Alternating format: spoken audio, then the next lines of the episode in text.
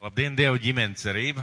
Esiet sveicināti ik viens šodien, kas ir atradis par iespēju būt draudzē, būt pie mūsu ciemos. Un es ticu, ka Dieva svētais gars mums šodien runās un mainīs mūsu dzīves un svētīs mūs un piepildīs mūs ar savu svēto garu. Paldies Dievam par to un paldies Dievam, ka mēs vienmēr varam nākt pie Dieva tādā cerībā. Jo Dievs ir tik bagāts un Dievam ir tik daudz ko dot, kad nav iespējams tuvoties viņam un kaut ko nesaņemt tad mums ir tā īpaši jāpapolās, jā? Ja? Bībeli saka, ka mums var būt aizslēgta sirds, bet mums ir īpaši jāpapolās, lai neko nesaņemtu. Jo ar Dievu vienmēr ir labi, Dievam vienmēr ir ko dot, un Dievs vēlās mūs svētīt šajā dienā. Šodien mūsu draudzē mēs svinam ražas svētkus. Mēs svinam ražas svētkus, svētkus, kad mēs atceramies, kad, ko, ar ko Dievs mums ir devis, ar ko Dievs mūs ir svētījis un kā Dievs ir pagodinājies mūsu dzīvēm. Un uh, mums priekšā ir brīnumi. Mums priekšā ir brīnumi. Piemēram, kā jūs domājat, vai šis te ir brīnums? Nu, brīnums taču pareizi. Viņš iesākumā bija tāda maza, maza sēkliņa, un uh, mēs varam ieraudzīt, kā Dievs ir darījis šo mazo sēkliņu par brīnumu. Mēs varam baudīt, mēs varam ēst no tā, mēs varam cept, vārīt, es nezinu, visādas lietas darīt, un šeit priekšā ir brīnumi. Un tā, kad mēs lūdzām par svētdienas skolu, šeit arī priekšā stāvēja brīnumi. Jūs pamanījāt, jā? Ja? Māmas, jūs pamanījāt, šeit priekšā stāvēja jūsu brīnums. Un Dievs ir tas, kas dara brīnums. Dievs dara brīnums mūsu dzīvē, un Viņš ir mūsu brīnumu devējs. Un arī tas, ko mēs ielikām ziedojumu kastītē, arī tas ir brīnums, jo tā ir Dieva svētība mūsu dzīvē, kā Dievs rūpējas par mums, kā Dievs gādā par mūsu ģimenēm, un kas to visu ir devis. Kas to visu ir devis? Piemēram, šīs lietas, ko mēs šeit esam salikuši priekšā - kartupeļi, ķirbji, āboli, dažādi ziedi. Kas to visu ir devis un veidojis? Mūsu debesu tēvs. Un kādu laiku atpakaļ, kādus gadus, varbūt desmit atpakaļ, pēkšņi manā dzīvē, es vienmēr esmu bijis tāds drusku mākslinieciski noskaņots cilvēks, bet es nekad par to tā nebiju domājis. Un es lasīju kādā grāmatā, un šajā grāmatā autors saka, ka jūs iziet ārā dabā. Jūs ieiet Dieva meistaru darbnīcā. Un katra lieta, katra krāsa ir viņa mākslinieka rot, uh, otras riepiens vai rokas veidojums. Un es padomāju, tā taču tiešām ir pareizi. Tā ir, ka Dievs ir mākslinieks un brīnišķīgs un neviens viņu nekad nepārspēs. Un šeit mums ir dažādas lietas, dažādas krāsas un tā ir milzīga svētība. Un visu to ir darījis Dievs un tas ir lieliski. Un vēl lieliskāk tas, ka mēs no tā visa varam baudīt. Jā, mēs no tā visa varam baudīt, varam piedzīvot to savā dzīvē. Un ko tas viss liecina? Par sēnēm es varbūt nerunāšu. Patiesībā par sēnēm arī varētu teikt tieši to pašu. Par ko tas viss liecina? Ka viss šeit stāv. Protams, par Dievu, par Dievu varnību, par Dievu svētību. Protams, bet ziniet, par ko tas liecina? Tas liecina par sēju, ka ir bijusi sēja un tagad mēs esam pļāvuši. Un vārds, ar kur es dalīšos, tā arī saucās, varat pierakstīt, iemīli sēt, lai pļautu iemīli sēt, lai pļautu. Vai kādam patīk rušināties pa dārzu? Lielākai daļai pareizi. Lielākai daļai patīk. Tā vien jau ir svētība, vai ne? Tā vien jau ir svētība, un tu rušinies, un tu vēl, tu vēl ne tikai uh, piedzīvo brīnišķīgas lietas, tu ruš, rušinoties dobītē, bet ir gaidām arī raža, ir gaidāms kaut kas tāds, ko Dievs tev dos. Un, uh, tas liecina, ka ir bijusi sēja. Un tagad tas liecina, ka ir pļauja. Un šodien gribētu runāt par šo garīgo likumu - sēju un pļauju. Sēšanu un pļaujumu. Mēs varam pateikties Dievam par visu, ko Viņš ir devis, un Viņš ir visu svētību devējs. Bet Jēzus, kad viņam sātans nāca ar piedāvājumu, un kad Jēzus gavēja tuksnesī, rakstīts, ka viņam gribējās ēst, un sātans nāk ar piedāvājumu, un saka, klausies, tu taču esi Dieva dēls saka šiem akmeņiem, lai viņi to par maizi. Lai šiem akmeņiem par to par maizi, un Jēzus kaut arī izcauts būdams, viņš atbild ļoti pareizu, svētīgu un tādu ļoti dziļu domu. Viņš saka, cilvēks nedzīvo no maizes vien, bet no katra vārda, kas nāk no Dieva mutes. Cilvēks nedzīvo, ja mēs vārdu runājam par vārdu nedzīvo, tas nenozīmē vienkārši dzīvot. Vārds dzīvot nozīmē visas dzīves sfēras laikus, notikumus, situācijas, kad cilvēks dzīvo no Dieva vārda. Un nevis izdzīvo, bet dzīvo, kā Bībele saka, pilnu, svaidītu, mīlestības pārklātu dzīvi. Ka pietiek visam un pārpaliek vēl labajam darbiem. Un fiziskās lietas vienmēr atspoguļo garīgo pasauli. Tās fiziskās lietas, ko mēs piedzīvojam savā dzīvē, vienmēr atspoguļo neredzamo garīgo pasauli. Un padomāsim par tām pašām lietām, kas ir šeit. Tā pašām lietām, kas ir šeit. Uh, piemēram, lai izaudzētu, lai izaudzētu marinētus gurķus. Nu, neaug marinētu gurķi, pareizi. Kāpēc jūs no zāles man to nepateicāt? Reizēm cilvēkiem ir tāda sajūta, ka gurķi aug marinēti gurķi un aug viņi parasti maksimā, ja? Mēs tā reizēm sakam. Bet, lai izaudzētu gurķus un pēc tam iemarinātu, vispirms ir jābūt bijis domai iesēžu.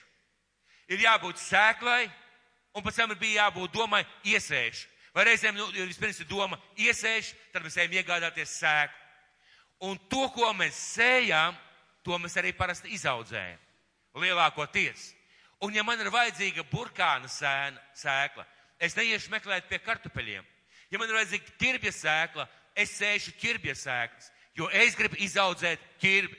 Tas nozīmē, ka vispirms ir šī garīgā lieta, domāšana, es sēžu.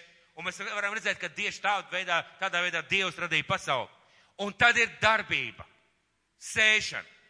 Es domāju, ka es sēžu, tad es sēju, es rušinu, aprūpēju, rūpējos par to visu, un tad rudenī ir raža.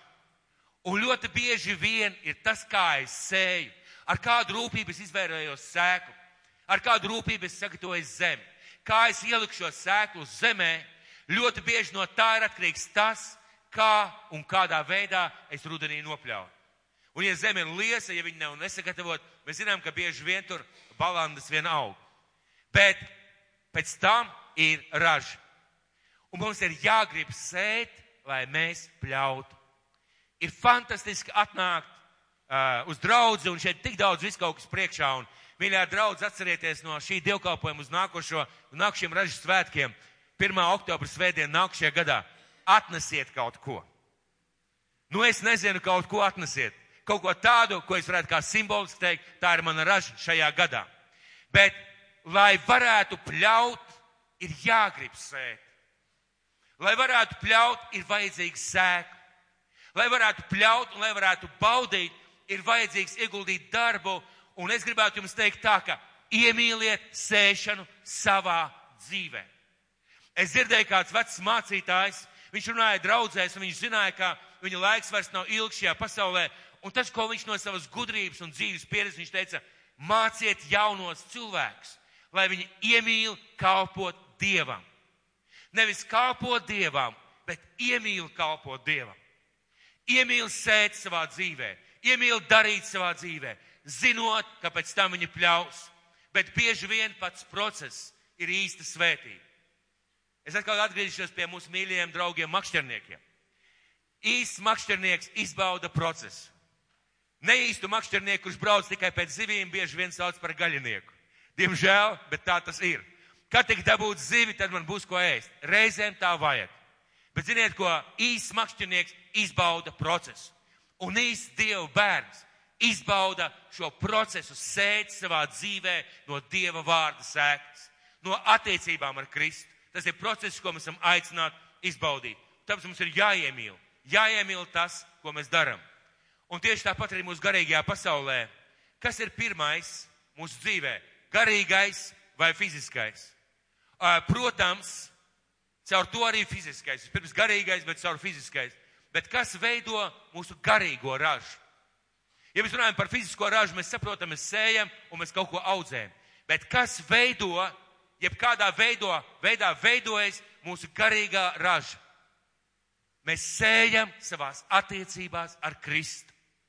Mēs sējam savās attiecībās ar Kristu un bieži vien šo sēšanu neviens neredz. Es nezinu, kas tas ir. Ja nemaldos, kaut kāda zupiņa. Bet ziniet, ko tas cilvēks, kurš šo zupiņu gatavoja, viņš varbūt neatzīsies, ka viņš to atnesa, bet mēs neredzējām, kad viņš sēja. Mēs nebijām klāt.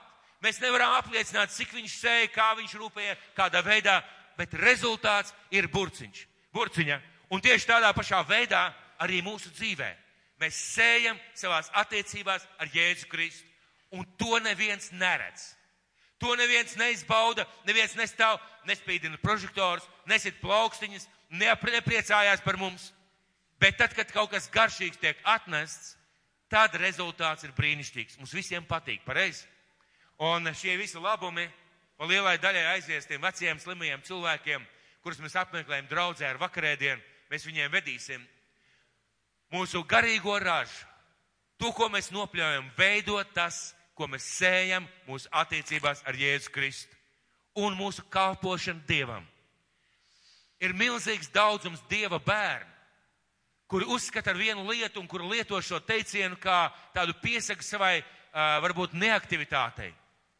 Es kalpoju Dievam ar to, ka es ticu.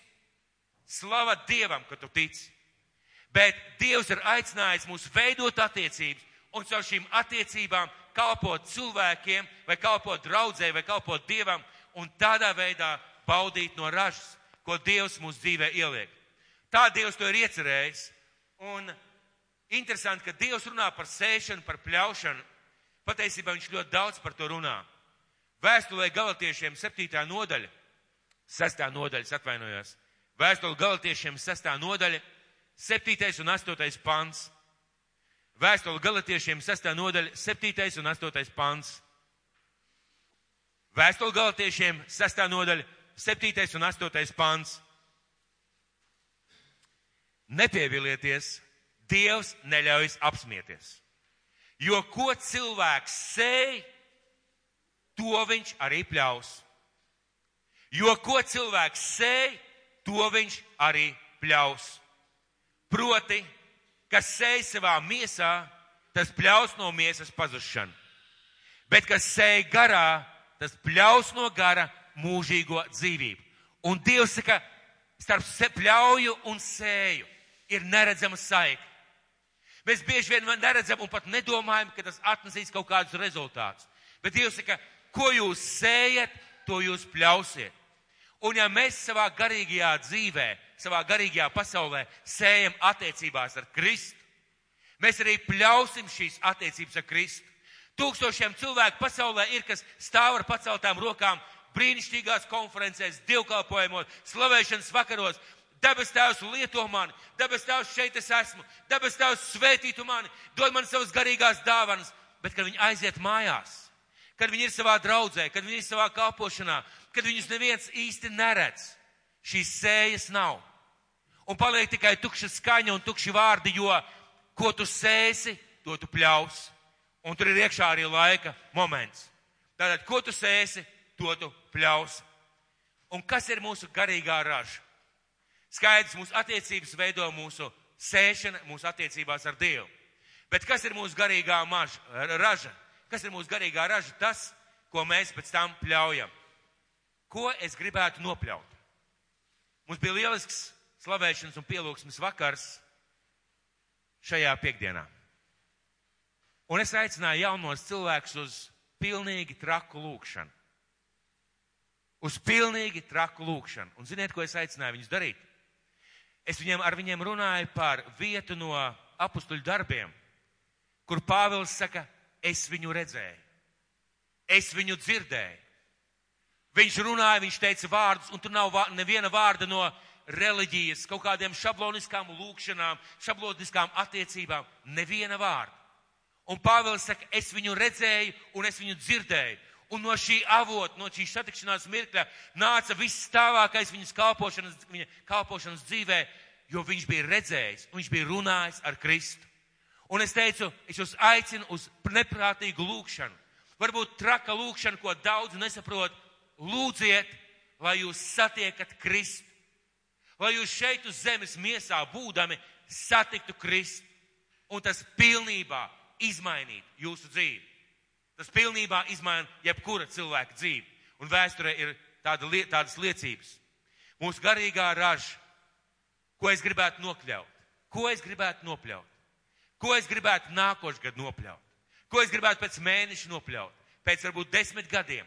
Kas es gribētu būt ar savu ražu. Kam vajadzētu būt? Manās attiecībās ar Jēzu Kristu, tuvām un personiskām. Patiesībā mūsu attiecībām vajadzētu būt vien tuvākām, tuvākām un tuvākām. Es ilgus gadus, varbūt ne kādus mēnešus, varbūt pāris, bet arī daudz gadus, jāsaka tā, esmu domājis par kādu interesantu lietu. No kurienes nāk dziļas lietas cilvēku dzīvē? No kurienes nāk tas, ka cilvēks svaidīt un spēcīgi sludina? Un Dievs man atbildēja kādus pāris mēnešus atpakaļ caur kādu vietu no Bībeles. Dziļums izsauc dziļumu. Dziļums izsauc dziļumu. Tas nozīmē, ja tu esi dziļās attiecībās ar Kristu, tu spēsi dziļi dot un daudz dot. Un tavs, tavs tas, ko tu dosi, tas būs bagāts un dziļš un svētīts. Dziļums izsauc dziļumu. Un mums ir jāveido šīs attiecības, un viņa valstībai jābūt mūsu dzīvē. Bet mēs zinām, ka viss sākās ar Dievu. Un, mīļā, un lai cik mēs gribētu Dievu piedzīvot, lai cik mēs gribētu Dievu atrast, Dievu saprast, Dievu izprast, lai cik mēs lūgtu, lai cik mēs ziedotu, ja Dievs pats mums neatklāsies, ja Dievs pats mums neļaus sevi iepazīt, mēs to nevarēsim izdarīt. Bet mums ir jāieraug, cik ļoti Dievs vēlās, lai mēs viņu piedzīvotu un lai mēs viņu pazītu. Jo kurš atnāca pirmais uz šo zemi? Jā, Dievs radīja cilvēku, cilvēku dzīvē uz, zem, uz šīs zemes. Bet kurš atnāca pirmais? Mēs zinām, ka Jēzus atstāja debesu godību. Viņš atnāca šo zemi un viņš mācīja šos nepilnīgos cilvēkus. Viņš mācīja šos vīrus un, vīrus un arī sievas, kas viņam sekoja. Viņš nomira par mūsu grēkiem un samaksāja un cēlās augšā. Un viņš šobrīd ir pie tēva troņa, aizlūdz par mums visiem. Un viņa garīgā raža esam mēs visi. Mēs visi, bet viņa dzīvē bija sēšana, un šobrīd viņš pļauj. Un mēs zinām, ka Bībele saka, tuvojās lielā pļauja, kad visi cilvēki nostāsies viņa priekšā. Un būs tūkstošiem, tūkstošiem cilvēku, kas ir izglābti, kāpēc? Jo viņš sēja. Un tad viņš pateica tādus interesantus vārdus. Neviens netiek pie tēva, kā vien caur mani. Ak, kā cilvēkiem gribētos, kā man gribētos ar darbiem ar dažādām lietām. Mēs zinām, ka kādas reliģijas māca, tur gavē, lido astrālajā, sit sevi krustā, ko tik vēl ne, bet ja es pateicu, neviens netiek pie manis, pie tēva, kā vien caur mani. Neviens netiek. Viņš to varēja droši pateikt, jo viņš bija sējis un viņš bija pļaujis. Bet kādā veidā, kādā veidā Dievs dod sēklu? Kādā veidā Dievs dod sēklu? Bieži vien šo iesākumu sēklu Dievs dod caur cilvēkiem. Manā dzīvē bija kāds cilvēks, kurš sēja pašā sākumā. Kādi cilvēki, kas sēja pēc tam. Dievs dod šo sēklu caur cilvēkiem. Caur cilvēkiem. Diev, pēc tam Dievs sāk dot šo sēklu caur Dievu vārdu, caur Bībeli. Un tas cilvēks, kurš nelasa Bībeli, tas jau ir nolemts nelaimē. Jo, ja tu nelaidi iekšā Dievu vārdu, tu savā dzīvē nesēji. Un tāds caur garu. Un eh, kas dod sēklu? Sēkla nav mūsējā. Sēkla ir no Dieva. Un Bībele ļoti tā interesanti runā par šo sēšanas un pļaušanas procesu. Un es gribētu jūs vest uz otro vēstuli korintiešiem, 9. nodaļu, 9. pantu. Otrā vēstule korintiešiem, 9. nodaļa, 9. pants. Otrā vēstule korintiešiem, 9. nodaļa, 9. pants. Un šeit tāda ļoti interesanta, ļoti interesanta salikta vārda. Un de, devītais pants. Tā kā ir rakstīts, viņš ir izbēris un nabagiem devis. Viņa taisnība paliek mūžīgi. Bet kas dod sēklu sējējam? Kas dod sēklu? Dievs, pareizi. Ko viņš dod sēklu? Kā viņš dod sējējam. Un šeit ir ļoti interesanti, kad es domāju par šo divkalpojumu par vārdu. Tu vari sēdēt šajā divkalpojumā, dzirdēt šos vārdus un būt kā tāds, kurš nesēja. Reizēm mēs domājam, ka kurš dod sēklu sējējam, tas dod maize ēdējam, bet kurš dod sēklu sējējam? Cilvēks var stāvēt lauka malā un skatīties, kā citi sēja. Cilvēks var stāvēt lauku malā un baudīt no pusdienām kas, ko- kas tiek atnestas sējējam. Cilvēks var stāvēt lauka malā, un tad, kad jau viss ir nopļauts, pievienoties un ienest pēdējo maisu un ielikt, ielikt mašīnā vai, vai uh, zirga ratos un teikt, rekā es esmu sējis. Dieva valstībā tā nesanāk. Dievs saka, kas dod sēklu sējējam? Lai mēs būtu sējēji, mums ir jāiemīl sēt. Mums ir jāiemīl sēt, pat ne tik daudz domājot par to ražu, ko mēs ievāksim. Tad, kas dod sēklu sējējam? un maizi ēdājam, tas arī dos un vairos jūsu sēju un liks pieaugt jūsu taisnības augļiem. Un šajā vietā Dievs saka, kas dod sēklu sējējam, ja tu esi sējējis. Un ja tu sēji, tad Dievs saka, viņš vairos tavu sēju un vairos tos augļus, ko tu izaudzēsi. Viņš vairos tavu sēju un vairos tos augļus, bet pa priekšu tev ir jābūt sējējam. Jo daudziem cilvēkiem gribās baudīt no Dieva valstības augļiem. Miers, prieks, svētība, paļaušanās, atbildētas lūkšanas. Mums visiem tas patīk, pareizi. Bet Dievs saka, kas dod sēklu sējējam? Un sējējs būs tas, kas baudīs. Un sējējs būs tas, kā raža vairosies. Bet, ziniet, Kristus arī brīdina šajā pašā vēstulē, tikai sastajā pantā. Bet to es saku, Sastais pants. Bet to es saku, svētais gars saka, kas sīksti sēj, tas arī sīksti pļaus.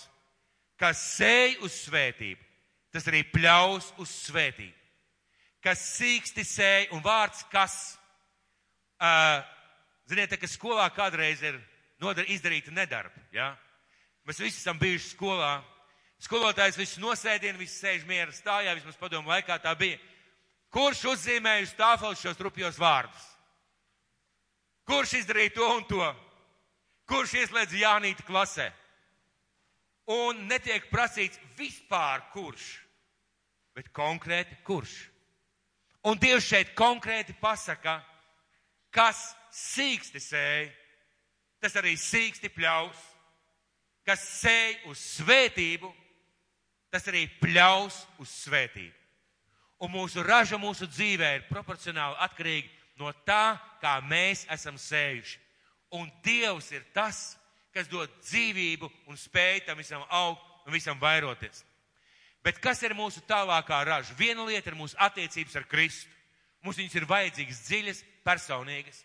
Bet kas ir mūsu tālākā raža? Tā raža, par ko Jēzus daudz teica saviem mācekļiem. Kad mēs skatāmies uz mācekļu dzīvi, varētu teikt, vīri, jūs esat svētīti.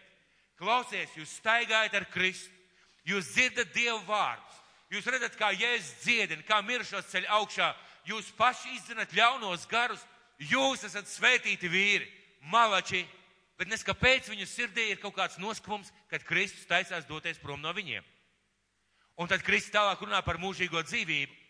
Un Pāvils, Pāvils, viņš runā par kādu interesantu lietu, kas tad ir mūsu garīgā raža vai tas, ko mēs pļaujam arī savā dzīvē. Vēstuli romiešiem, 8. nodaļa, vēstuli romiešiem, 8. nodaļa, 14. un 17. pants. Vēstuli romiešiem, 8. nodaļa, 14. un 17. pants. Līdz, no 14. līdz 17. Jo visi, ko Dieva, visi, ko vada Dieva gars, ir Dieva bērni. Jo jūs nesat saņēmuši verdzības garu, lai atkal kristu bailēs, bet jūs esat saņēmuši divbērnības garu, kas mums liek saukt aba tēvs. Šis pats gars apliecina mūsu garam, ka esam Dieva bērni. Ja nu esam Dieva bērni, tad arī mantinieki, Dieva mantinieki un Kristus līdzmantinieki. Un tā ir mūsu garīgā raša. Tas ir tas, ko mēs pļaujam no mūsu attiecībām ar Kristu. Jo traki būtu, ja mēs tikai meklētu attiecības ar Kristu un Kristus mums ir vajadzīgs brīnišķīgi un lieliski, bet tas izveido kaut kādu ražu mūsu dzīvē, kaut kādu pamatu, kaut kādu augli, un mēs saprotam, ka mēs esam Dieva bērni. Ka mēs neesam pamesta paudze, mēs esam Dieva bērni, Dieva mantinieki un Kristus līdzmantinieki. Kas ir līdzmantinieki? Kas ir līdzmantinieki? Mēs esam līdzmantnieki visām svētībām. Visām svētībām, ko Dievs ir pateicis par cilvēku rasi eh, savā vārdā. Visām svētībām, visām lietām, visām, visām brīnišķīgajām dāvanām, ko Dievs mums ir dāvājis. Visām šīm lietām, ko Dievs mums dāvāja. Miers, prieks, taisnība svētajā garā, svētības un kādu ražu mēs vēl gaidām no visādām lietām, ko Dievs vēlās mūsu dzīvē iedot. Un cik mēs pazīstam mūsu tēvu, viņš grib, lai mūsu dzīve ir svētīta. Viņš grib, lai mūsu dzīve ir bagāta. Viņš grib, lai mēs izdzīvojam šo dzīvi krāsaini, brīnišķīgi un skaisti. Viņš to vēlās, un mums ir vajadzīgs šis skatījums.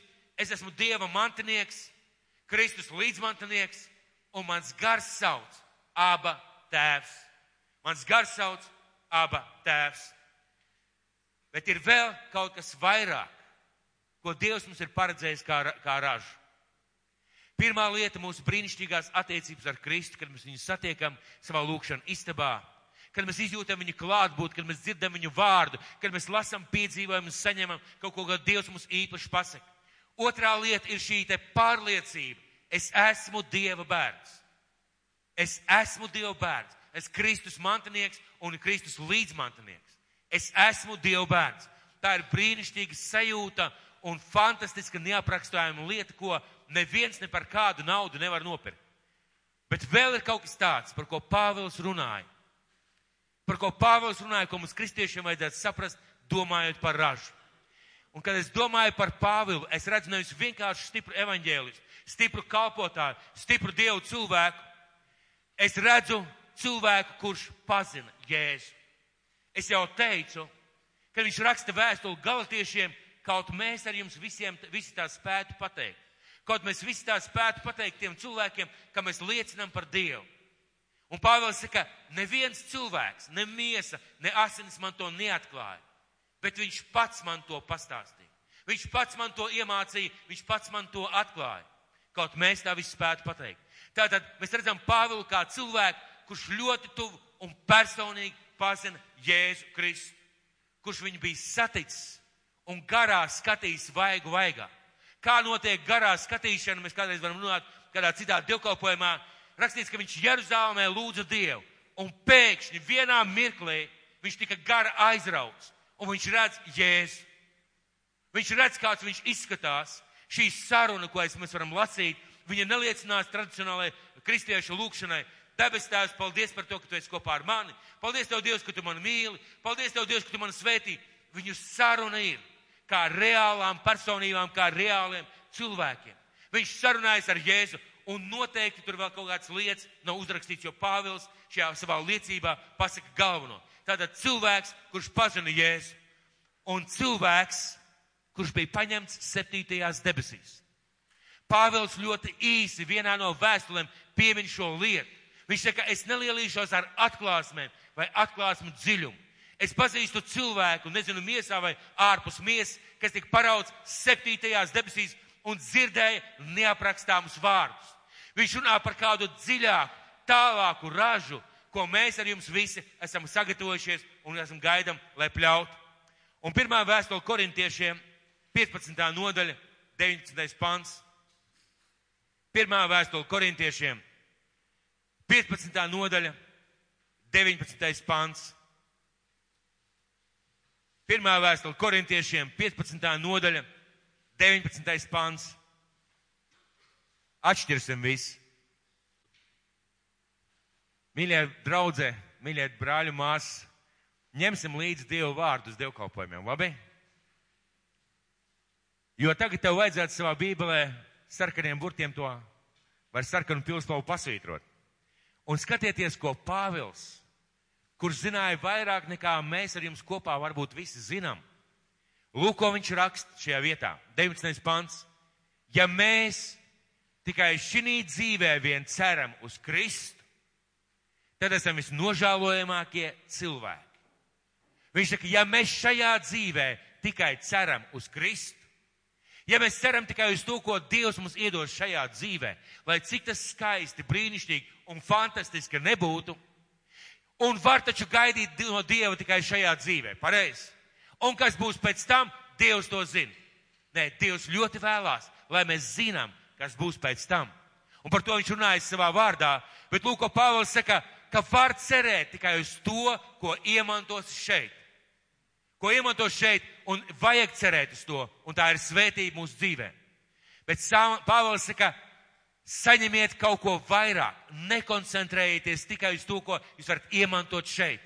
Nedomājiet par tikai par to, ko jūs varat iegūt šeit. Tas ir svarīgi, tas ir aktuāli, ka, lai Dievs mūs sargātu, svētītu, dziedinātu un palīdzētu. Bet viņš saka, domājiet dziļāk. Domājiet dziļāk, viņš saka, iemantojiet mūžīgās dzīvošanas domāšanu. Ko tas nozīmē? Viņš saka, domājiet par to, ka pienāks diena, jūs sastapsieties ar Kristu un jūs ne tikai vairs nemirsiet, bet jūs dzīvosiet simts gadus, tūkstots gadus, piec tūkstoši gadus. Un jūs skatīsieties atpakaļ uz to dzīvi, kuriem jums bija 89 vai 100, ja kāds ļoti slikts, stiprs. Un jums liksies, kāda niecība bija tas, ko es tagad varu iemantot. Kāda niecība bija tas, ko es tagad dzīvoju.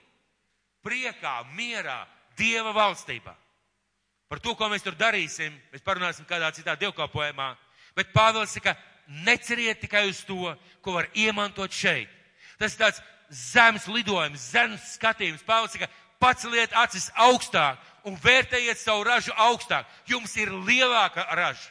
Jums ir lielāka raža. Raža, ko, kas tik nopļaut pasaules beigās. Un saņemiet Visu, kas jums ir šeit, var paredzēts, bet domājiet par kaut ko vairāk. Ziniet, un domāt par mūžīgo dzīvību, tas ir līdzīgi kā domāt par loteriju. Iedomājieties, tu esi vinnējis loterijā mašīnu. Tev izsauc priekšā, nespēlēt super bingo, nevajag azart spēles. Bet jūs vienkārši, kā kādreiz tas notika padomu laikā, kioskā nebija ko izdot. Un jums iedod loterijas biļeti, esmu dzirdējis tādus stāstus. Vai vienkārši jums paliek pāris sīknaudu, ej, dodiet man to loterijas biļeti. Arī kristiešiem tā ir gadījies. Un viņi vinnēja mašīnu, un tevi izsauc, un tevi apsveic, tev paspiež rokas, un tev iedod mašīnas atslēgas. Un tu aizēji mājās. Un iedomājies visu mūžu. Zelta kastītē. Atslēgas. Tu atnā, visiem ciemiņiem rāda, redzi, es vinnēju mašīnu man ir atslēgas, tu viņus apšubiņi, tu viņus sabučo, tu viņus nospodrini, tu par viņām priecājies, piekar pie sienas, un katru dienu, halleluja, man ir mašīna.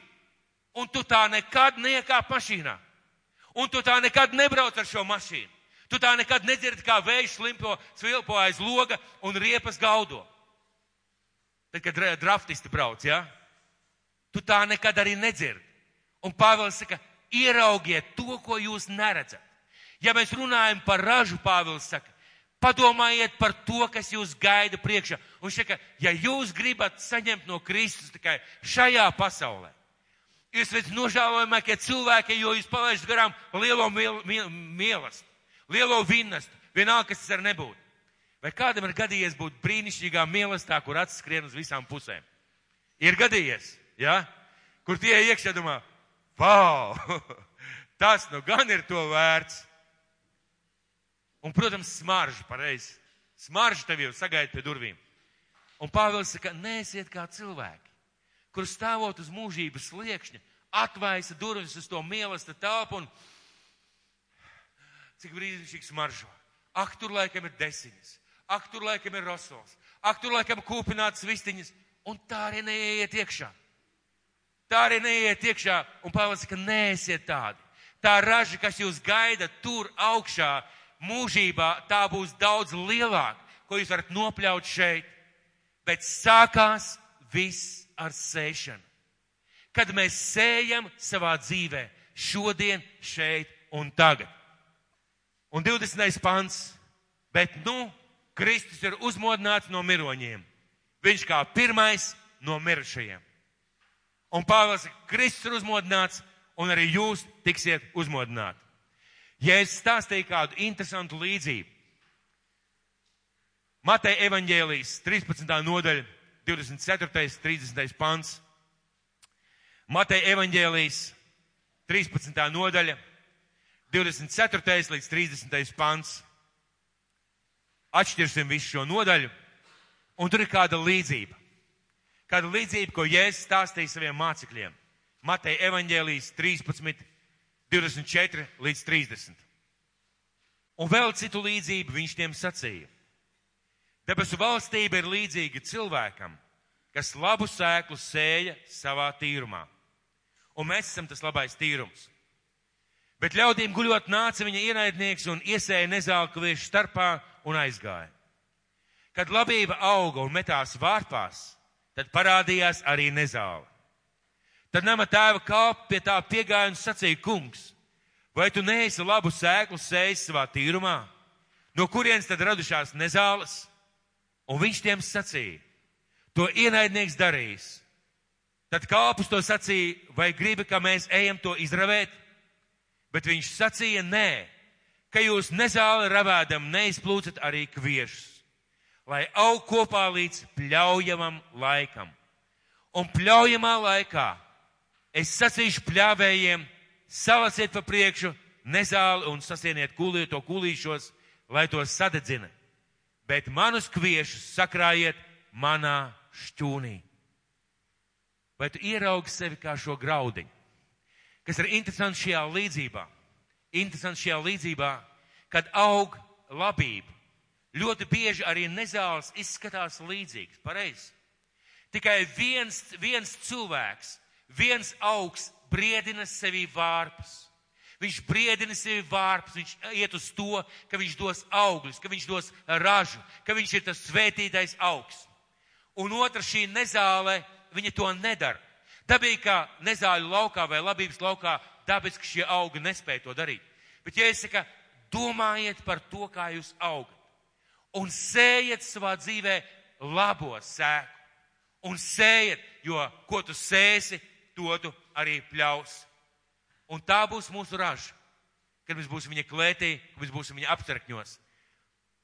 Garīgās svētības, viņa klātbūt, svētais gars, un visas lietas, miers, prieks un taisnība. Un mūžīgā dzīvība iesākās mūsu dzīvē no tā, ka mēs sējam. Un domājot par ražu, domājot par ražu, vienmēr iedomāsimies par to, kas atnes ražu. Un tā ir sēšana. Un es tev novēlu. Es tiešām mums visiem draudzēji cerību Dieva ģimenei novēlu. Sēsim savā dzīvē Dieva lietas. Sēsim mūsu attiecībās ar Kristu. Sēsim mūsu kalpošanā ar Kristu.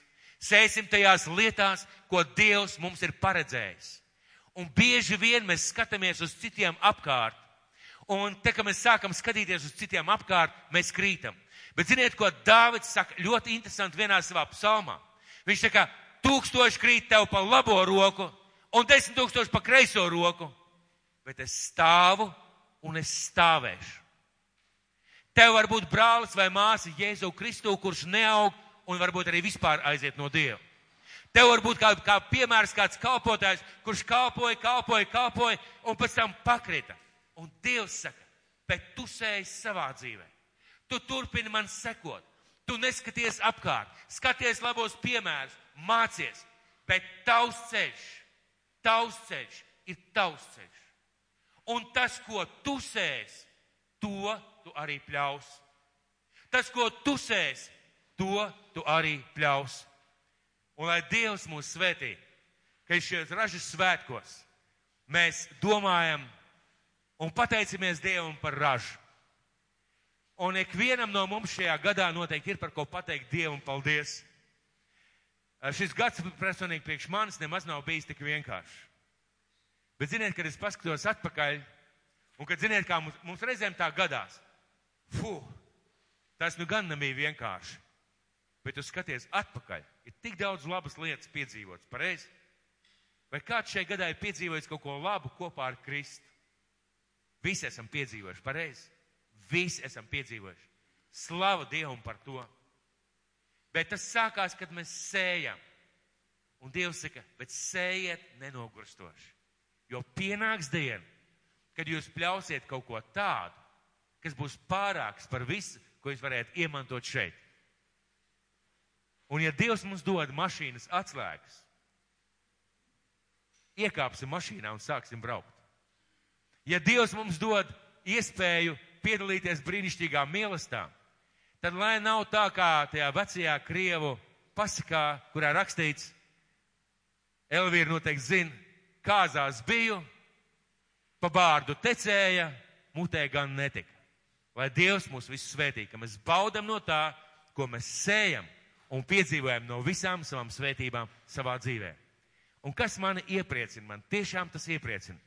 Dievs saka, nesalīdzina sevi ar citiem. Neskaties ne pa labi, ne pa kreisi. Ja tu redz kādu svētīgu, labu piemēru, mācies no viņa. Mācies, pajautā, eh, skaties, ko viņš dara, mācies no viņa. Ja tu redz kādu krītamu, ja kādam neizdodas, nekas palīdz viņam kā var, bet pats ej uz priekšu. Bet pats ej uz priekšu, jo savā laikā tu pļausi, ja tu sēsi. Un šis apsolījums ir ikvienam šajā zālē. Ikvienam. Un Dievam ir ko dot. Un viņš ir tas, kas dod ražu. Un Bībelē saka, ka viņš spēj dot vairāk, nekā mēs lūdzam, vai spējam lūgt, vai saprast. Vai kāds tam tic, vai kāds varētu pateikt āmen? Āmen! Lai Dievs mūs svētī. Un, eh, ja šeit ir kāds cilvēks, kurš vēl nekad nav sējis savās attiecībās ar Kristu tādā veidā, kā Dievs to saka, mēs bieži ejam uz baznīcu, mēs bieži uh, ticam Dievam, mēs bieži kalpojam Dievam kaut kādā veidā, tādā savā sapratnē. Bet, ja es saku, eh, teicu vārdus vēstulē romiešiem, svētais gars saka, ja to ar savu sirdi ticēs un ar savām lūpām apliecinās Jēzu par savu kungu, tu tiksi izglābts. Es nezinu, no kādas konfesijas varbūt es šeit atnācis. Es nezinu, no kādas draudzes tu varbūt esi atnācis. Un varbūt, kas šobrīd ir tavā dzīvē. Bet Bībele ļoti skaidri saka, ja tu savā sirdī ticēsi, un ja tu to tici, slavu Dievam. Bet tālāk ir vēl kaut kas, ko Dievs saka. Un ar savu muti apliecinās Jēzu par savu kungu.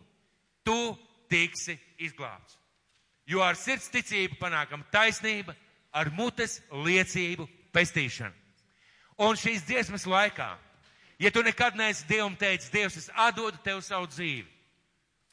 Es atzīstu tev par savu kungu un savu glābēju. Un es vēlos, lai tavu valstību ienāk manā dzīvē. Ja tu nekad neesi teicis šādus vārdus, piedod man manas grēkus, es atdodu tev savu dzīvi. Es gribētu tevi aicināt šīs dziesmas dienāšanas laikā. Nāc šeit priekšā, lai mēs kopā varētu ar tevi lūgt. Jo Bībele saka ļoti skaidri, ko tu sēsi, to tu pļaus. Un ja mēs sējam mūsu attiecībās ar Jēzu, ja mēs sējam tajā, ka mēs sakam, Dievs, es gribu tev sekot, es gribu atdot tev savu dzīvi, Dievs saka, tu to iemantos. Tāpēc, ja kāds nekad nav tā lūdzis un nekad tā nav teicis, šīs dziesmas dziedāšanas laikā jums ir brīnišķīga iespēja atdot savu dzīvi, atdot savu sirdi, atdot savu nākotni viņa rokās un kļūt par Dievu bērnu. Un lai Dievs mūs visus svētī.